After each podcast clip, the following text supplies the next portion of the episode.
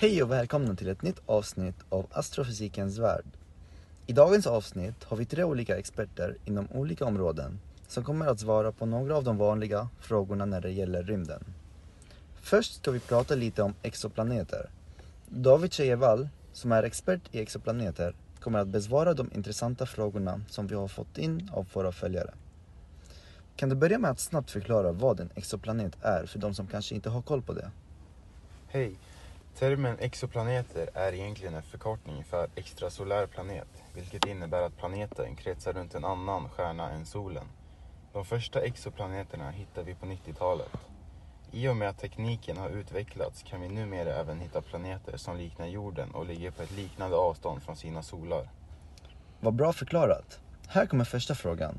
Hur upptäcker man exoplaneter och vilka metoder finns för det? Det finns en hel del metoder för att upptäcka exoplaneter beroende på vad man vill ta reda på.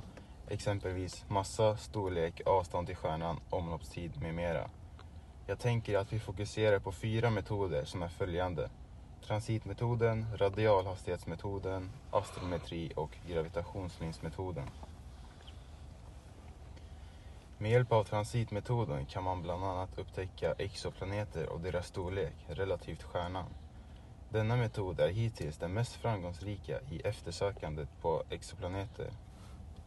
Detta bygger på att exoplaneten kommer mellan observatören och stjärnan den kretsar kring, vilket leder till en minskning i ljusstyrkan hos stjärnan. Radialhastighetsmetoden. Denna metod registrerar stjärnans rörelse på grund av planetens gravitationella dragningskraft. Med hjälp av denna metod kan exempelvis en exoplanets massa och avstånd till stjärnan beräknas. Astrometri är en metod som behandlar stjärnors positioner och rörelser. Genom att mäta små förändringar i stjärnans position kan man avgöra om stjärnan påverkas av en exoplanet som rör sig runt den eller inte. Gravitationslinsmetoden bygger på att en stjärnas ljus böjs av på grund av en exoplanets gravitationsfält. När exoplanetens gravitationella fält böjer av stjärnans ljus fungerar gravitationsböjningen som en lins och förstärker stjärnans ljus under en kort period. Intressant. En annan fråga som vi har fått är, vad lär vi oss av exoplaneter?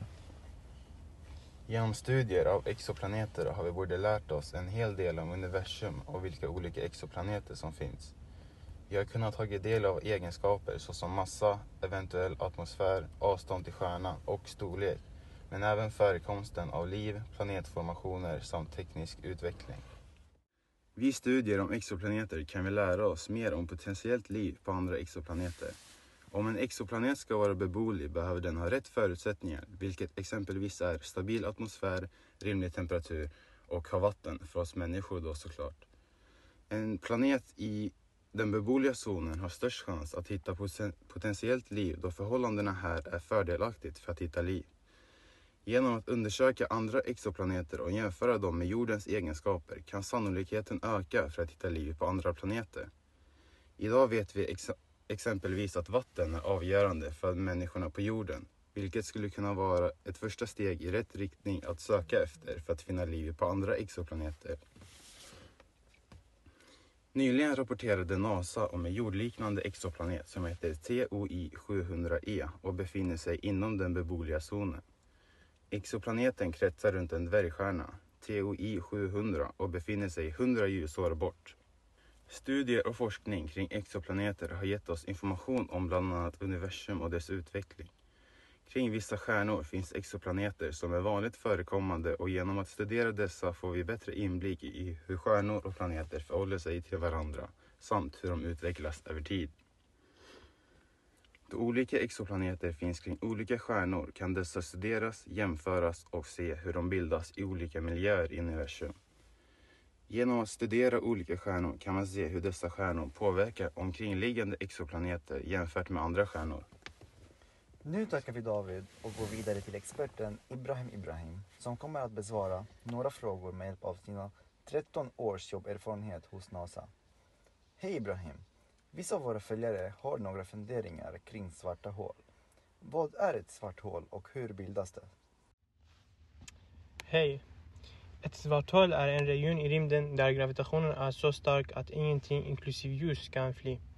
Det är en plats där rumtiden är så böjd att ingenting, inte ens ljus kan komma undan. Och detta fenomen kallas en gravitationsbranta. Svarta hål är omgivna av en speciell gräns, en horisont, som separerar det från resten av universum. När, när någonting passerar horisonten finns det ingen möjlig väg tillbaka till universum. Och det, och det dras inåt till sing, singulariteten. En liten extremt tät punkt där allt massa är samlat. Svarta hål bildas när en stjärna med stor massa kollapsar och komprimerar sig själv under den egna gravitationen.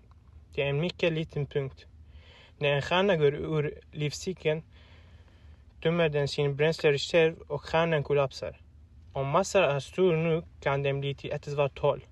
Stjärnor som är minst tio gånger mer massiva än solen har tillräckligt med massa för att kollapsa till ett svart hål. Det var fascinerande. Det finns några som undrar om vad som skulle hända om man faller in i ett svart hål. Har du svaret till frågan? Ja, om en person skulle falla in i ett svart hål skulle deras erfarenhet vara mycket annorlunda från vad vi känner till i vår vardag. Detta beror på de starka gravitationskrafterna runt svarta hål, som förvränger rum och tid och gör dem till en annan dimension. När något, inklusive en person, närmar sig ett svart hål skulle det påverkas av dess starka gravitation och dras inåt i en rak linje. Medan den närmar sig horisonten runt svarta hål skulle den dras allt mer tät och gravitationen skulle bli allt starkare. Efter att ha passerat horisonten skulle personen vara oåterkallelig dras in till sing singulariteten, den täta punkten där all massa är samlad. Men på vägen skulle personens erfarenhet vara mycket märkliga och skulle skilja sig från vad vi känner till. Rumtiden skulle vara så böjd runt svarta hål att tiden skulle gå långsamt för den som faller in, medan den går normalt för andra som befinner sig utanför svarta hålet. Då gravitationen är stark skulle personens kropp sträckas ut i en slags formlös massa, kallad nudeleffekten. Tur att man inte har fallit i ett svart hål. Vet du vad man har som mål med forskningen om svarta hål? Forskare hoppas att lära sig mer om naturen av rum och tid samt de fysikaliska lagarna som styr vår universum. Kort sagt, forskningen på svarta hål har som mål att förstå mer om de svarta hålen själva, svarta hålets och hur de påverkar omgivande områden. Forskare hoppas också att utveckla nya tekniker för att direkt detektera och bilda svarta hål. Tack så mycket Ibrahim.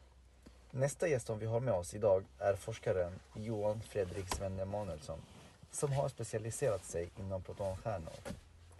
En poppis fråga som vi har fått handlar om området som du är expert i Johan. Frågan lyder, vad är en protonstjärna och hur uppstår dessa stjärnor? Ja men tjena! Eh, en protonstjärna är en stjärna som ännu inte har tänts. Detta är det första stadiet eh, i sin utveckling. Moln av väte, helium och rymdstoft drar sig samman precis innan stjärnan når en tillräckligt hög temperatur för vätet ska fusionas till helium.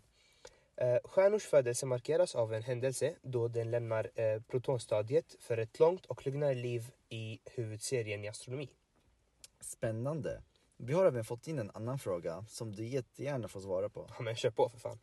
Vilken typ av förändring går en protonstjärna igenom under sin livscykel? Ja men en protonstjärna går igenom en förändring från um, um, en måntillstånd till uh, en stjärnbildning. Denna förändringen sker när den gravitationella kollapsen av molnet leder till att temperaturen och trycket i centrum ökar, vilket resulterar i fusion av hydrogenatomer och bildandet av en ny stjärna. Intressant. Nu till sista frågan. Vad är den exakta mekanismen för massöverföring i protonstjärnor och hur påverkar den stjärnbildningsprocessen? Den exakta mekanismen eh, för massöverföring eh, i protonstjärnor är fortfarande en fråga som forskare försöker besvara. Eh, men det är allmänt antaget att eh, massöverföring sker för en protonstjärnas skiva till dess centrala objekt genom en kombination av gravitationell instabilitet och eh, turbulens i skivan. Denna massöverföringen spelar en avgörande roll i utvecklingen av protonstjärnan till fullt utvecklande stjärnor eh, eftersom det bidrar eh, till att bygga dens, upp den centrala objektens massa. Tack så mycket, tjena! Nu tackar vi Johan och alla experter som var med oss i dagens avsnitt och så önskar vi att alla våra följare ska fortsätta skicka intressanta frågor till framtida avsnitt. Tack för att ni lyssnade!